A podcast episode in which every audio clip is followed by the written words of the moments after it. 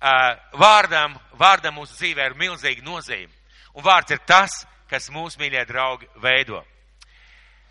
Mūsu kungs Jēzus Kristus kādā reizē uzkāpa kalnā, apsēžās un saka ļoti garu sprediķi. Viņš runā par to, kas ir svētības. Viņš runā par gavēšanu, viņš runā par lūkšanu kambari, viņš runā par zudīšanos, viņš runā par augļiem, viņš runā par daudzām, daudzām, daudzām, daudzām lietām. Un mēs to saucam par kalnu svētru un, un to varētu nosaukt par sekošanas kristuma esenci. Un nobeidz savu runu viņš ar vārdiem. Tāpēc ik viens, kas šos manus vārdus dzird un dara, ir pielīdzināms gudram vīram, kas savu nāmu cēlis uz klints. Kad stipras lietus lija un straumes nāca un vēja pūta un gāzās šim namam virsū, nams tomēr nesabruka, jo tas bija celts uz klints. Un ik viens, kas šos manus vārdus dzird un nedara, ir pielīdzināms ģeķim, jeb muļķim, kas savu namu cēlis uz smiltīm. Kad stipras lietus leja un straumes nāca un vēja pūta un gāzās namam virsū, tad tas sabruka un posts bija liels. Viņš nobeidz šo garo sprediķi ar šiem vārdiem, un ko šī vieta mums pasaka? Šī vieta mums pasaka, ka Dieva vārdam ir jābūt praktiskam mūsu dzīvē. Viņam jābūt praktiski pielietojamam mūsu dzīvē, un savādāk šim vārdam nav nozīme. Savādāk mēs it kā zinām, bet šis vārds zaudē jēgu. Un es kādreiz runāšu par nomirušo sēklu. Vai es kādreiz esmu domājuši par tām četrām augsnēm, kur Jēzus runā par to, ka sējais izgāja sēt un iesēja sēklu. Tad sēkla bija. Un mēs zinām, ka tikai pēdējā augsne, šī labā augsne nesa augļus.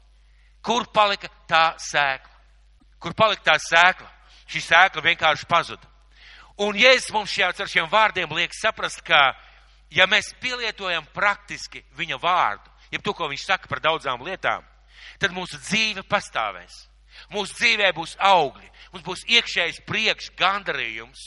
Mēs viņu dzirdēsim, redzēsim, varēsim viņam sekot, un ja mēs nepielietojam Dievu vārdu savā dzīvē, viņš zaudē jēgu.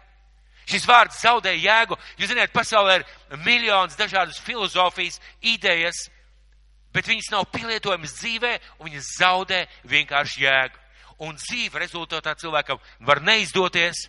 Un, eh, ja mēs nepielietojam, mēs, tas nepalīdzēs kaut gan mēs zinām. Tas nepalīdzēs kaut gan mēs esam mākam skaisti stāstīt vai atstāstīt kādam. Un kaut mēs esam dzirdējuši, kaut mēs esam sapratuši, ja mēs nepielietojam. Šis vārds zaudē jēgu. Viņš neatnes augļus un mūsu dzīve nekad nebūs tāda, kā Dievs būtu vēlējies un ieplānojis. Un šodien jūtu pamudinājumu sākt runāt par, par māceklību. Šo mēnesi mēs ļausim, lai svētais gars un lai Dieva vārds runā uz mums, kas ir patiesa māceklība. Kas ir īsts māceklis un kāds ir Kristus māceklis. Tāpēc šodien vārds, ar kur es dalīšos, sauksies, ka jūs topat par maniem mācekļiem. Tā arī varat pierakstīt, ka jūs topat par maniem mācekļiem.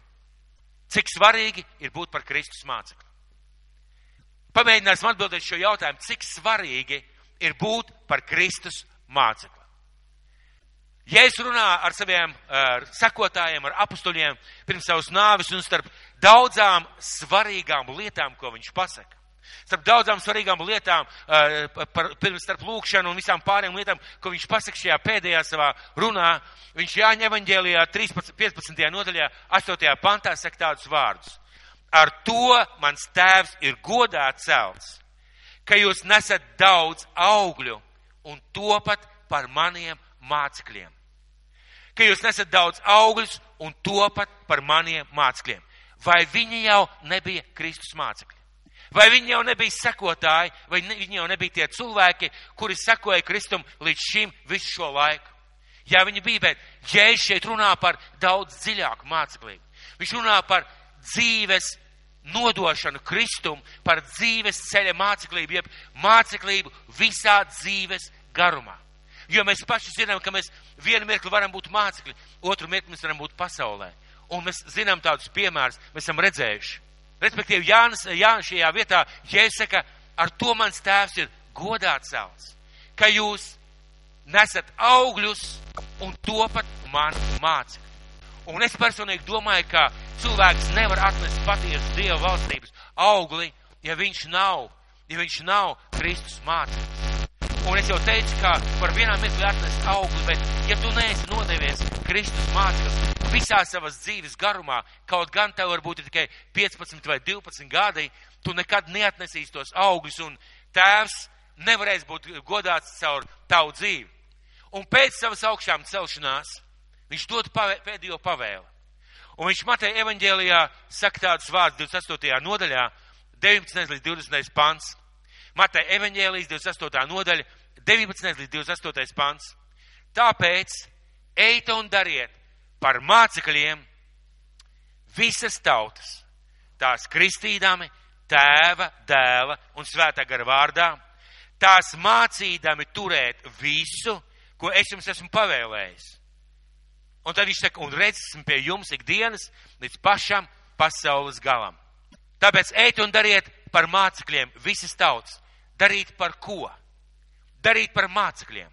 Kādā veidā tās kristīdami, tēva, dēla un svēta gara vārdā, un, pam, un, un mācīdami, mācīdami turēt visu, mācīdami, un es gribētu atdalīt, turēt visu, ko jums es esmu pavēlējis. Tātad, ja es saku, ejiet pa visu pasauli un veidojiet mācekļus, veidojiet mācekļus, kādā veidā, pievestami Kristum, sludināt par, sludinātam par Jēzu, pievestami viņam, tad uh, kristīdami, tad mācīdami, un ne tikai mācīdami, bet mācīdami turēt visu, ko es jums esmu pavēlējis.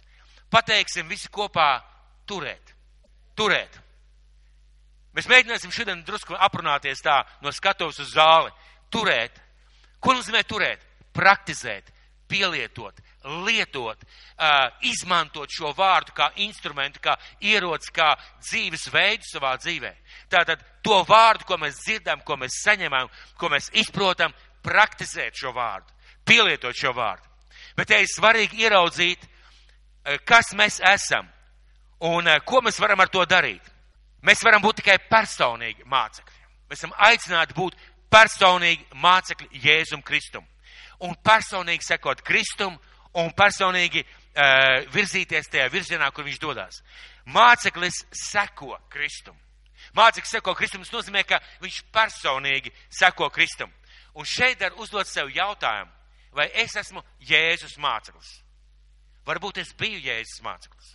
Jo, ziniet, tas nav tāds stacionārs stāvoklis. Es vienreiz noticēju Kristum, un tagad esmu Kristus māceklis.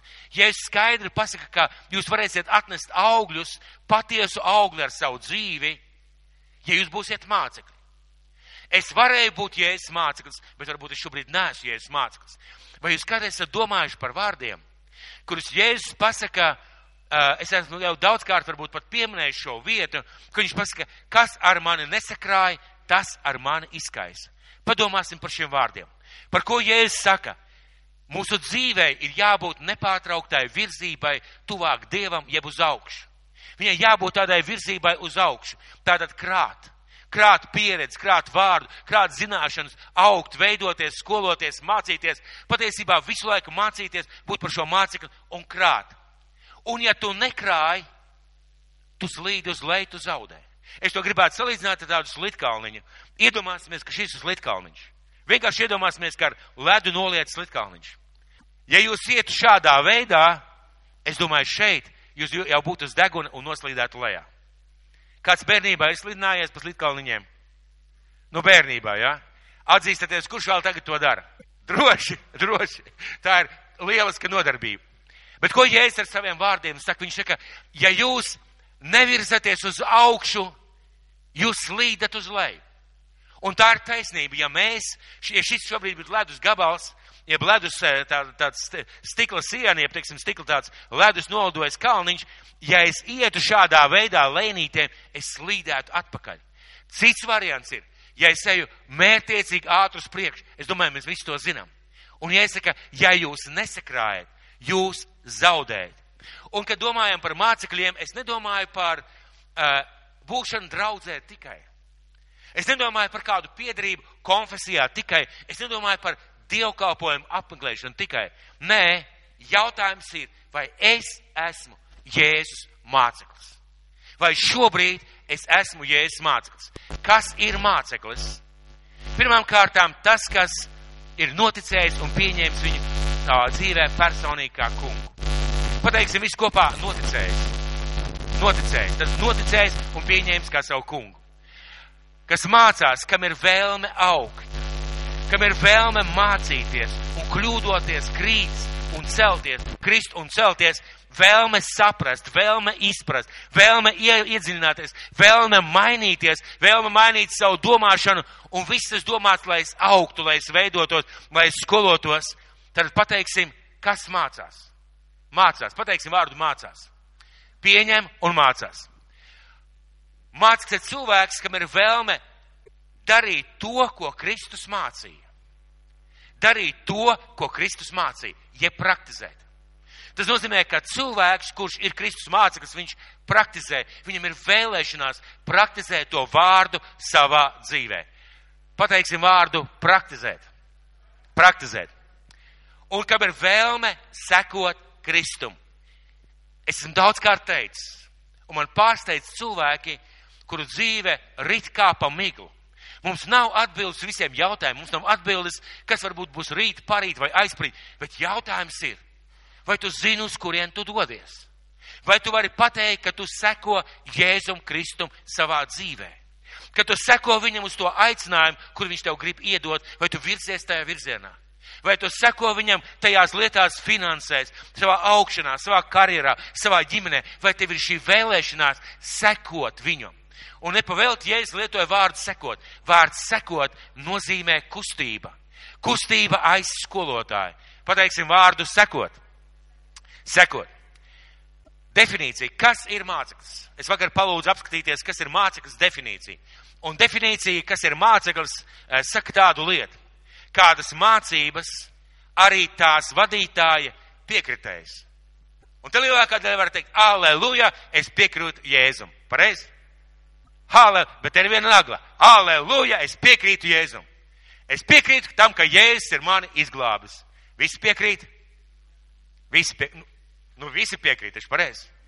Es piekrītu, ka Jēzus ir labs, pareizi. Es piekrītu, ka Dievs ir mīlošs. Es piekrītu, ka Dievs ir radījis debesis un zemi. Es piekrītu, pareizi. Viena lieta. Tālāk ko vārds sekotājs. Piekrīt mācībai, ja piekritējs un sekotājs. Jo mēs varam piekrist ļoti daudz kam. Jautājums ir, vai mēs esam sekotāji. Un es gribētu jums parādīt, palūgt parādīt kādas pāris fotogrāfijas. Un pirmā fotogrāfija būs uh, kāda interesanta lieta. Lūdzu, parādām fotogrāfijas. Kas tas ir? Āmurs, pareizi? Vai tas ir āmurs? Nē, tas ir āmurs. Jūs nepārpratāt, tas ir āmurs. Nu, mēs varam piekrist, ka tas ir āmurs, pareizi? Kur jūs skeptiski? Tas ir āmurs. Tikai piepūšamais, pareizi? Sakiet man lūdzu, kāda jēga ir no piepūšamā āmura? Kāda jēga ir no piepūšamā kristieša? Kāda jēga ir no piepūš, piepūšamā mācekļa? Kāda jēga? Tā ir butaforija, tas ir kaut kas tāds radīts tāds, nu tāds vienkārši, pareizi? Un no šī āmura, protams, ir jēga. Mazi bērni var mācīties uh, sist tēti mammai pa galvu vai, vai nezinu, pa kādām mēblēm daudzīt. Pilnīgi droši, pareizi. Otra fotografija. Laiva. Izskatās skaisti, pareizi. Kā jūs domājat, cik šī laiva var uh, pavest tonnas? Kā jūs domājat, cik tonnas šī laiva var pavest? Nevienu. Tā ir spēļu laiviņa, pareizi? Tā ir spēļu laiviņa. Un redziet, mūsu sekošana Kristum reizēm ir tāda spēle, jeb, jeb tādas piepūšamie āmuri vai tādas laiviņas. Mēs it kā radam šo ilūziju, ka mēs sekojam Kristum, bet mūsu augļi, mūsu dzīve, mūsu nodošanās var skaidri liecināt, ka mēs patiesībā neesam Kristus sekotāji. Un eh, kas ir aicināts būt par Kristus mācekli? Kas ir aicināts būt par Jēzus mācekli? Varbūt tie ir kādi īpaši cilvēki, īpaši izradzētie, īpaši aicinātie. Un Bībele saka, ka ik viens cilvēks, kas dzird evaņģēliju un notic, ir aicināts būt par Kristus mācekli. Nevis vienkārši par sekotāju, nevis vienkārši par draudzēm nācēju, bet par Kristus mācekli. Ik viens ir aicināts būt par Kristus mācekli. Mēs zinām, ka Jēzus savus sekotājus sauc par mācekļiem. Viņš arī šeit saka savā vārdā, ejiet un veidojiet mācekļus. Kāda bija mācekļi, kāda bija tie cilvēki, kurus viņš aicināja? Kāda bija apstākļi? Mēs, mēs tādus cilvēkus neizvēlētos par saviem mācekļiem. Diez vai. Iedomāsimies Pēterijā. Pirmām kārtām Pirmām kārtām ārkārtīgi pārsteidzīgs. Otrām kārtām neapdomīgs. Trešām kārtām, kas uz mēles, tas, tas uz, eh, kas, uz, kas prātā, tas uz, tas uz mēles. Daudz dažādas lietas. Ja. Eh, Levijs, muitnieks, viņš vāc nodokļus. Viņš pievāc naudu, iekasē naudu, viņš nav it kā varētu teikt godīgs cilvēks. Pārējie mācekļi, ja pārējie apustuļi, mēs redzam, ka viņi ir vienkārši zvejnieki. Vienkārši zvejnieki. Mēs viņus neizvēlētos bet Jēzus redz viņu potenciālu. Jēzus redz to, kas viņā, viņos, viņā ir iekšā, viņš redz viņa nākotni. Viņš redz, ka šis cilvēks uzkāpis uz šī ceļa, sekos pa šo ceļu, sekos Kristum līdz pašai savai aiziešanai. Un mēs pagājušais vai aizpagājušais pieminējām, ka Jēzus pat liecina un saka par to, ka Pēters ar savu nāvi pagodinās Dievu. Un mēs zinām, ir kādas leģendas par, par viņa nāvi. Tātad Mēs neizvēlētos. Jēzus zina šī cilvēka nākotni. Un eh, tas nozīmē, ka ik viens cilvēks ir aicināts būt par Jēzus mācekli. Ir cilvēki, kas saka tā, nu par mācekļiem, par mācekļiem parasti tādi stipri, drošsirdīgi, mērtiecīgi cilvēki, bet es esmu tāds vienkāršs, maigs, varbūt nu tāds netik mērtiecīgs. Ik viens, ik viens ir aicināts būt par Jēzus mācekli. Te ir tā unikālā lieta, ka Dievs nešķiro pēc talantiem, pēc vecuma, pēc spējām. Viņš aicina visus cilvēkus būt par Jēzus mācekļiem. Vai tas, kurš notic Dievam, automātiski ir Jēzus māceklis? Kā jūs domājat? Vai tas, kurš noticējis Kristum, ir automātiski Jēzus māceklis? Padomāsim rūpīgi. Vai tas, kurš notic Kristum, automātiski ir Jēzus māceklis? Viņam ir labs sākums. Bet bieži vien cilvēks paliek tikai apmeklētājs. Vai viņu varētu nosaukt par ticīgo, viņu varētu nosaukt par kristieti, viņu varētu pat nosaukt reizēm par draudzes locekli, bet vai viņš ir māceklis? Aizdomāsimies par to. Un šeit neiet runa par to, ka mēs rādam uz kādu ar pirkstiem. Pirmais jautājums būtu pajautāt pašam sev, vai es esmu Kristus māceklis. Un mēs, mēs bieži, mēs bieži domājam tā. Mēs māsas un brāļi kopā ejam uz debesu valstību. Āmen. Mēs ejam uz debesu valstību. Ļoti bieži mēs asociējam sevi ar Dieva draugu, mēs esam Dieva draugs, mēs tā mācām, mēs tā runājam, mēs esam Dieva ģimene, jā, amen. Bet ziniet, tajā pašā laikā, tieši tajā pašā laikā, mums katram ir ārkārtīgi individuāls un unikāls mācekļa ceļš kopā ar Kristu. Unikāls vienreizējs, pilnīgi individuāls mācekļu ceļš kopā ar Kristu, kalpojot viņam un sekojot viņam. Mēs reizēm cilvēki saka tā, mēs visi stāvēsim Dievu priekšā. Ziniet, ko es jums gribu parādīt? Kad ja mēs skatāmies Jāņa atklāsmes grāmatā, mēs ieraugam bildi, kur daudz cilvēki no daudzām tautām stāv Dievu priekšā, un mēs iedomājamies par sevi, paldies Dievam, ka mēs to varam iedomāties. Bet ziniet, kas ir interesanti? Kad mēs aiziesim mūžībā, vai kad Kristus nāks, mēs individuāli, personīgi nostāsimies Kristus priekšā. Tur nebūs pa labi māsas vai brāļi, kas par mani aizlūdz. Tur nebūs kādu attaisnotāju vai, vai, vai kaut kādu apstākļu, kas man varētu attaisnot. Mēs katrs personīgi nostāsimies Kristus priekšā, skatīsimies viņa acīs, un tad būs tas svarīgais jautājums, vai mēs esam bijuši viņa mācekļi. Jo redziet, klausīties, būt kristietim, būt ticīgiem ir viena lieta. Jautājums ir, kā aizsniegt gala mērķi, kā aizsniegt rezultātu, kā aizsniegt to, ka mana dzīve ir Dievam patīkama kalpošana, ka mana dzīve liecina, ka es esmu māceklis. Ka esmu māceklis. Tas nozīmē, ka mēs visi stāvēsim Dievu priekšā ārkārtīgi individuāli un atbildēsim Dievam par savu dzīvi. Un individuāli mēs saņemsim balvas. Individuāli mēs saņemsim balvas par to, ko mēs savā dzīvē esam darījuši. Reizēm cilvēkiem patīk domāt tā. Mācītājs atbildēs par draudz. Man ir jāskumdina. Es neatbildēšu par draudz. Es atbildēšu par to, ko es draudzē mācīju. Es atbildēšu par to, kā es par draudz izturējos. Es atbildēšu par to, kā es draudzē ieguldījos, kā es draudz mīlēju. Bet mēs ik viens personīgi atbildēsim pats Dievam par savu dzīvi. Un, ziniet, mums cilvēkiem ir vajadzīgs piemērs. Mums cilvēkiem reizēm, lai mēs varētu labāk saprast, mums ir vajadzīgs piemērs. Pavērosim Jēzus mācekļus, kas tādi pa īstam bija Dieva mācekļi, kas pa īstam bija Dieva mācekļi un, un aizgāja, ja varētu teikt, līdz galam. Apostols Pāvils. Un apostols Pāvils par draudz saka ļoti, ļoti tādus dziļus vārdus. Viņš saka, ka draudze ir Kristus miesa. Ka draudze ir Kristus miesa, svētos sadraudzība, Dieva nams.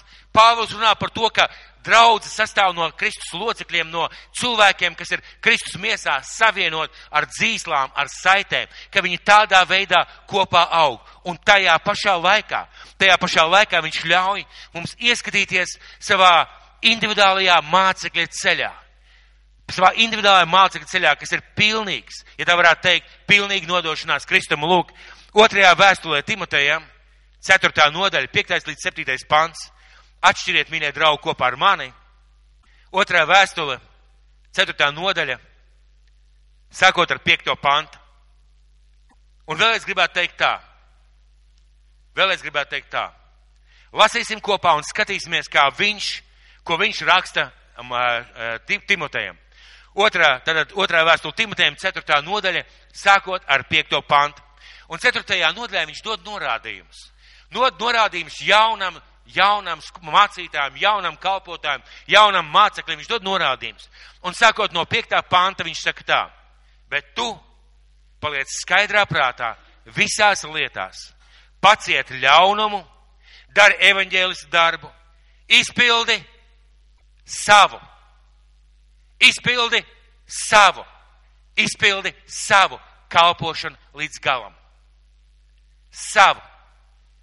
Tev, Timotē, ir savs ceļš. Draudzē, Dieva ģimenē, Dieva namā, tev ir savs ceļš. Un tālāk viņš raksta, sastais pants, jo es jau topu par ziedojumu, un mans atreisīšanās laiks ir pienācis. Un tālāk viņš ļauj ieskatīties viņa iekšējā pasaulē, kā viņš redzēja sevi. Kā viņš redzēja sevi, kāda bija viņa sirds, kāda bija viņa motivācija. Un septītais pants - labo cīņu es esmu izcīnījis. Skrējienu esmu pabeidzis. Ticību esmu turējis. Atliek man tikai saņemt taisnības vainagu, ko mans kungs, taisnais tiesnesis, dos man viņā dienā un ne tik vien man, bet arī visiem, kas ir iemīlējuši viņa parādīšanos. Un pamēģināsim paskatīties vēlreiz septīto pantu. Labo cīņu es esmu izcīnījis. Savu cīņu es esmu izcīnījis. Skrējienu esmu pabeidzis. Savu skrējienu. Savu skrējienu es esmu pabeidzis. Savu ticību es esmu turējis. Cilvēks, kurš tā dega par draudz, cilvēks, kurš atdeva sevi, sevi draudzē, kurš kāpoja draudzē, pacieta pazemojumus, aizvainojumus, aizrādījumus. Cilvēks, kurš varētu teikt, nolikt pie draudzes kājām, pie Kristus kājām savu dzīvi. Tajā pašā laikā viņš redz sevi ļoti personīgi un individuāli. Viņš saka, savu skrējienu esmu noskrējis, savu ceļu esmu nogājis, savu ticību esmu turējis, un tagad man atliek saņemt ticības vainagu, ko man dos Kristus. Un tālāk viņš pieminē, un visiem, kas ir iemīlējuši viņa parādīšanos. Ko šī vieta man personīgi pasaka? Šī vieta man personīgi pasaka par māceklību, kas nav piecu minūšu māceklība. Par māceklību, kas nav līdz pirmajām vējām, un pēc tam mēs atstājam šo ceļu par māceklību, kas nav līdz pirmajām grūtībām vai desmitajām grūtībām, bet par māceklību, kas ir visa mūža garumā. Un, ziniet, mīļie brāļi, šeit neiet runa par mocekļa ceļu. Šeit neiet runa par tādu svētā mocekļa ceļu, kā mēs reizēm viņus iedomājamies. Viņu dzīve, mīļie draugi, bija krāsaina. Pāvila dzīve bija izcila, piedzīvojumiem bagāta. Viņš ceļoja, viņš brauca, viņš piedzīvoja, viņš redzēja, viņš izbaudīja katru dienu. Jā, viņš kļūdījās, jā, viņš krita, viņš bija nepilnīgs. Bet viņš vienmēr cēlās augšā, jo viņam bija ceļš priekšā kopā ar Kristu. Un viņš te uzskatīja par mācības ne tikai piekritēju, bet par vadītāja sekotāju. Un Kristus viņu veda. Un tieši tāpēc mēs šodien par viņu runājam, ka viņš redzēja savu ceļu tā. Vai tu redzi savu ceļu tā? Vai tajā skaistajā ziedā, ko sauc par draudz, tu redzi sevi kā lapiņu? Kā lapiņu, kas izdēļo kopējo skaistumu, bet kā lapiņu, kas ir tik svarīga, kā lapiņu, kam ir savs individuāls ceļš. Un, mīļie draugi, domājiet par atklāsmes grāmatu. Iedomājieties savu pēdējo dienu. Iedomājieties savu pēdējo dienu. Kristus nav atnācis, jūs esat kalpojis, darījis. Iedomājieties to skaisto stāstu, kā mēs kādreiz iedomājamies par skaistām vecumdienām. Šūpuļkrēsls, siltas šķības, silta sedziņa, kafijas, nu kafija tā laikā jau vairs laikam nedzer, tējas krūze un Kristus nāk. Un tu nostājies viņa priekšā. Un tad ir svarīgi, vai tu esi bijis viņa māceklis. Nav svarīgi, cik reizes tu esi kritis, un nav svarīgi, cik reizes tu esi cēlies. Nav svarīgi, kāda ir bijusi tava izdošanās vai neizdošanās, vai, vai vēl kādas lietas. Nav svarīgi. Svarīgi, vai tu esi gājis šo ceļu kā māceklis. Svarīgi, vai tu esi centies, domājis, mēģinājis iet tādā veidā, kā debes tēvs tevi ved. Jā, kopā draudzē, jā, kopā ar brāļiem un māsām, jā, kopā Kristus miesā, bet savu individuālo ceļu, savu individuālo kalpošanu, savu dāvanu, savu talantu, ko debes tēvs mums ir paredzējis. Kaut mēs tā varētu pateikt. Ziniet, tās bēres, kurās tu vari nolasīt šo, šos pantus un pateikt, viņš tā nodzīvoja. Tas ir izcilas bēres. Tas ir bēres, kurās pat cilvēka aiziešana ir liecība un dieva triumfs. Un cilvēki varbūt savā dzīvē par viņu smējušies un jokojuši, ai, tas tāds jocīgs un tic dievam un tam līdzīgi. Ziniet, bet tad, kad mācītājs ar skaidru sirdi, bez melošanas, bez izlikšanās, bez kādas līdzjūtības izteikšanas aizgājējiem var pateikt, šis cilvēks varēja savā dzīvē pateikt, savu ceļu esmu nogājis, savu ticību esmu turējis, savu skrējienu esmu noskrējis, un tagad viņš ir saņēmis godības vainagu. Es domāju, ka bieži vien daudziem, kas ir daudz veiksmīgāk finansiāli, ekonomiski, materiāli un varbūt karjeras ziņā, viņiem šajā mirklī iespēja ir padomāt. Bet es, un tie, kas ir kristieši apkārt, bet es, vai par mani kādreiz mācītājs tā pateiks? Vai kādreiz, un ziniet, tas nav tāpēc, ka mācītājs grib kādam izdabāt vai pateikt labus vārdus. Jautājums ir par to, par ko liecināja šī cilvēka dzīve. Par ko liecināja tie augļi, ko šis cilvēks atnesa. Par ko liecināja tas, kā šis cilvēks dzīvo. Un es jau teicu, nav svarīgi, cik reiz tu krīt. Nav svarīgi, cik reiz tu celies. Nav svarīgi, cik reiz vēlns tev uzbruk un nogāž gar zemi. Svarīgi ir, ka tu celies un tu turpini šo ceļu. Un tu esi viņa māceklis un kad es izvēlējies būt viņa māceklis. Mums tā vajadzētu pateikt, mīļie. Un mēs esam aicināti tā pateikt, jo mēs visi esam aicināti būt par viņu mācekļiem. Visi esam aicināti. Tas nozīmē, ka nav neviena cilvēka uz zemes lodes, kurš noticējis Kristum, nevarētu būt par mācekli kāda iemesla dēļ. Ne visi ir, bet visi varētu būt. Jo kāpēc? Jo ne savā spēkā mēs to varam darīt. Ne mēs paši sevi ceļam par saviem sekotājiem.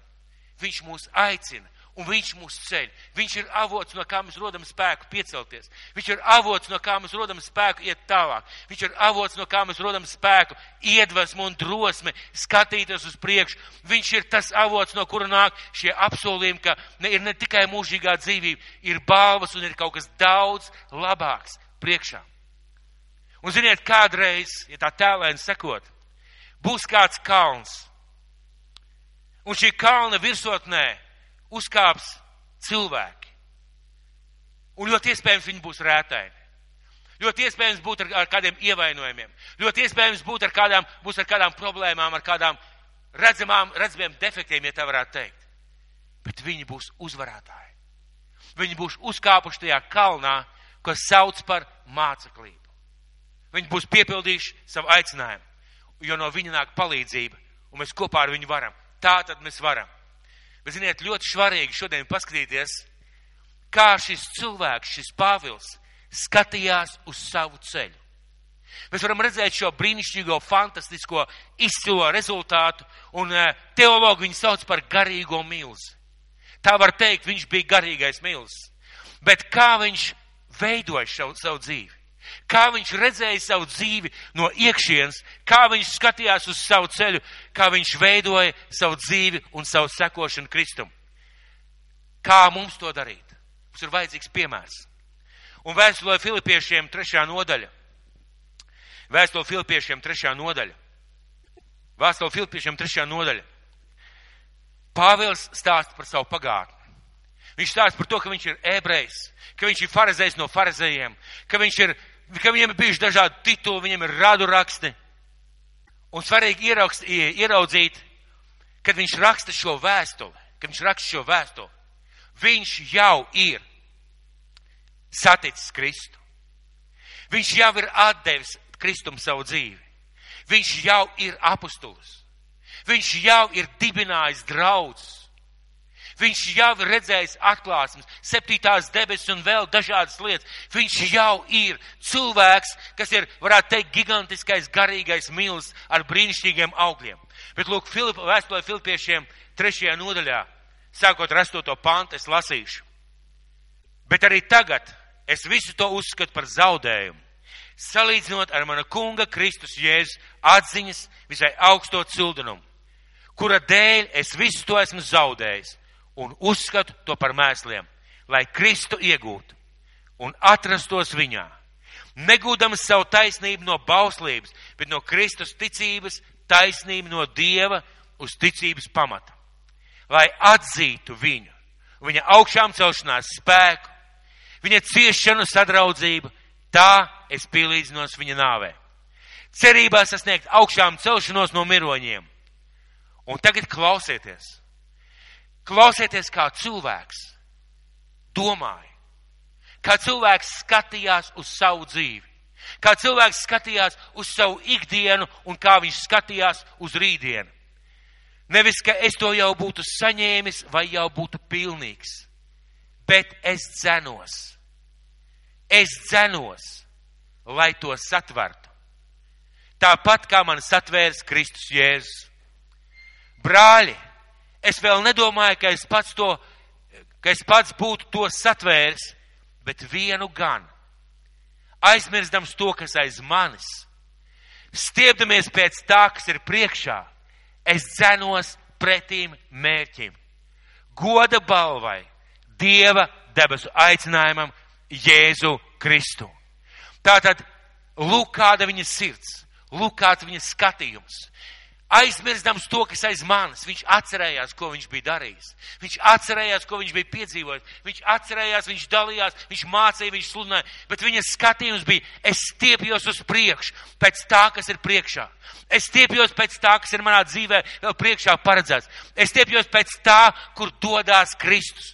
Tāds ir mans redzējums, tā es skatos. Es dzenos pretī mērķim, goda balvai, Dieva debesu aicinājumam. Tātad viņa dzīvē bija viens, viens brīnišķīga lieta, ko mēs varam ieraudzīt. Viņa sirds bija vēl, pilna vēlēšanās augt, pilnveidoties, satvert, saprast, aizskart, iepazīt un caur to sekot un turēt Kristus mācību. Caur to sekot un turēt Kristus mācību. Kā ir ar mums? Kā ir ar mums? Es, es daudz gadus atpakaļ runāju ar kādu cilvēku. Un, ziniet, ir sarunas, kuras jūs nekad neaizmirstat. Tā bija īsa frāze, īsa frāze. Es neesmu viņu aizmirsis, un es vienmēr, nevienmēr, bet bieži sev pārbaudu ar šo frāzi, ko, es, ko šis cilvēks man atbildēja. Es viņam teicu, mums vajadzētu sekot Kristum, vajadzētu darīt kaut kādas lietas, vajadzētu kaut ko organizēt, veidot kaut kādas lunāt evaņģēlī. Viņš paskatījās uz mani. Acīs bija pilnīgs vēsums. Kāpēc? Kristus jau visu ir izdarījis. Neko mums nevajag darīt. Kristus jau visu ir izdarījis. Tas ir šausmīgi, ja cilvēks tā redz savu dzīvi. Tas ir briesmīgi, ja cilvēks tā redz savu dzīvi. Es nedomāju par šo cilvēku, bet vispār. Pāvils skatījās savādāk. Viņš skatījās, es dzenos pēc tā, kas ir priekšā. Es tiecos pēc tā, kas ir priekšā. Ja esmu pakritis, es celšos un stiepšos pēc tā, kas ir priekšā, jo Kristus mani kaut kur ved. Man ir priekšā dāvana, aicinājums, kalpošana, lietas, ko mēs darām, ko es vēl plānoju darīt un ko es darīšu. Un mēs, mīļie draugi, esam tā aicināti skatīties uz savu dzīvi, uz māceklību, visas dzīves garumā. Un skatieties, ko viņš saka mums. 15. pants. Visi, kas esam pilnīgi, turēsim tādas domas. Un ja mums kādā lietā ir citas domas, tad ir to Dievs jums atklās. Ja jums ir kādas citas domas, Dievs to atklās. Bet ko viņš saka mums? Visi, kas esam pilnīgi, turēsim tādas domas. Kādas domas? Aizmirstams to, kas aiz manis. Stiepdamies pēc tā, kas ir priekšā. Es cenos pretī mērķim, goda balvai. Dieva debes aicinājumam Kristu Jēzu. Un ziniet ko? Jēzus teica ārkārtīgi interesants un zīmīgs vārds. Viņš teica, māceklim pietiek, ka viņš kļūst kā viņa kungs. Tas nozīmē, ka māceklis var kļūt ļoti līdzīgs Kristum. Tas nozīmē, esot par mācekli, mēs spējam sasniegt zināmu pilnību, ja tā varētu teikt, Kristu, ka mēs ar Kristu identificējamies, ka Kristus mūs tiešām redz un ka mēs esam tiešām viņa mācekļi. Jēzum nav augstāka titula kā māceklis.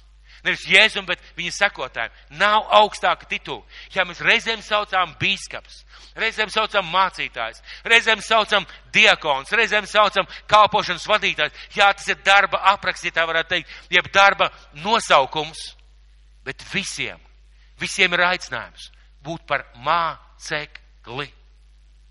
Par mācekli, kurš pieņēmis Kristu, kurš atdevis sev dzīvi Kristum, kurš mācās, kurš aug, kurš seko Kristum un kurš veltīja savu dzīvi, lai sekot Kristum. Un ziniet, tas ir fantastiski, ka tādā veidā var skatīties uz savu dzīvi. Ziniet, kāpēc? Tāpēc, ka rītdiena var būt labāka par šodienu parīdienu varbūt vēl izcilāk par rītdienu. Aizparīdienu notikumiem un lietām bagātāk nekā šodien, nekā šī nedēļa. Nākošais mēnesis varbūt daudz dziļāks, personīgāks, spēcīgāks lietās, kurās Dievs tevi vēlās ievest. Kristieša dzīve nekad, nekad nav bijusi spēlēka un garlaicīga. Sekotāja dzīve. Ja tā varētu teikt, baznīcā gājēja dzīve Vienkārši ticīgā dzīve, jā, viņa tāda var būt. Mācekļa dzīve, tāda nav nekad. Jo mēs esam kopā ar Kristu, un Viņš mūs kaut kur ved. Un lai kļūtu par mācekli, tas ir mans lēmums. Tas ir mans lēmums.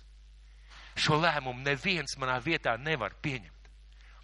Šo lēmumu es varu pieņemt desmit ar desmitām reižu. Es varu krist un celties, krist un celties, krist un celties, bet man ir jāstiepjas uz priekšu. Un Dievs palīdz man stiepties uz priekšu. Lai debes tēvs mūs svētī. Un ziniet vēl, ko es gribētu pateikt. Mēs esam aicināti būt par viņu mācekļiem. Jūs spējat iedomāties. Jūs spējat iedomāties Dievs, debes un zemes kungs. Tas, kas visu ir radījis Viņš tevi personīgi ir izvēlējies un aicina būt par viņa mācekli. Nevis vienkārši ticēt viņam, jo ticēt var pa gabalu. Es ticu, ka Amerikā ir prezidents Trumps. Bet ko tas maina manā dzīvē?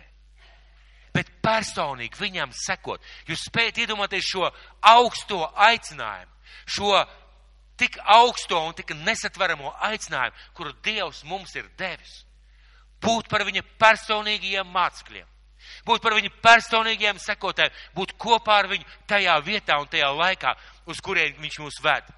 Tā ir neticama privilēģija. Neticama privilēģija.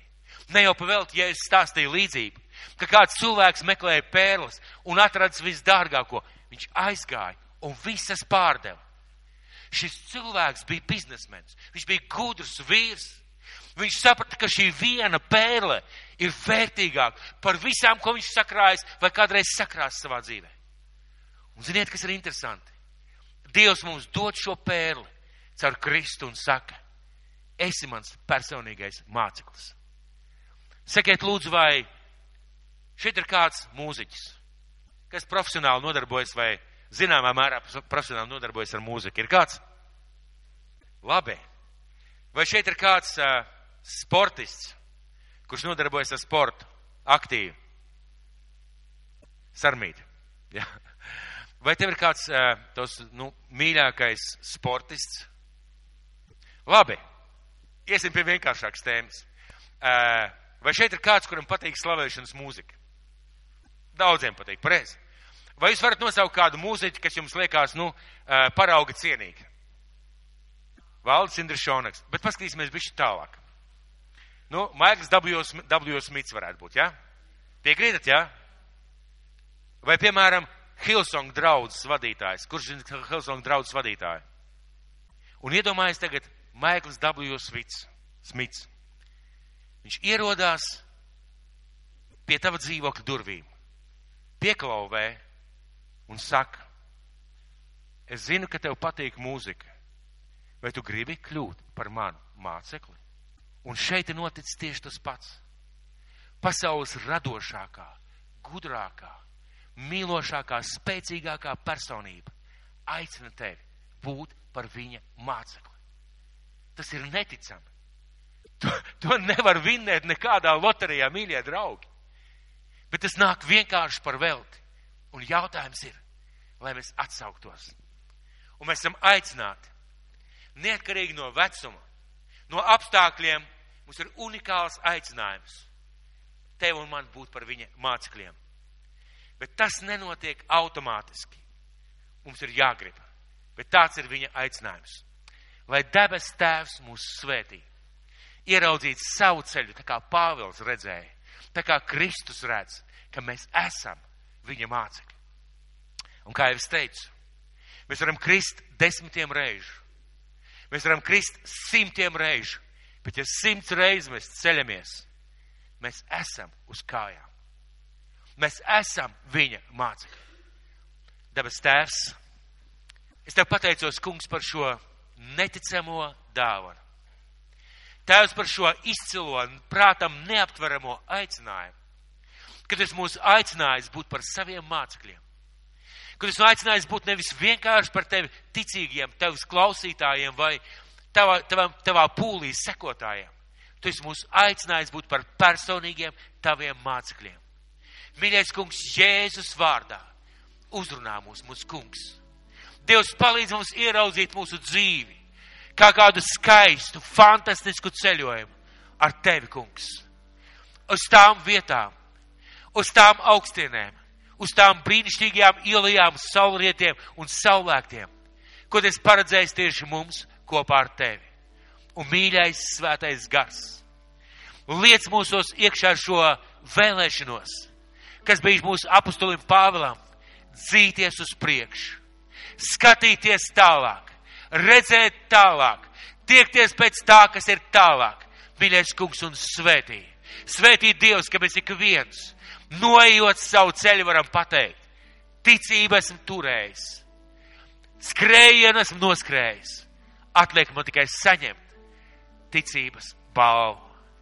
Mīļais kungs, svētī mūs ikvienu. Debes tēvs svētī. Jēzus Kristus tava dēla vārdā. Āmen!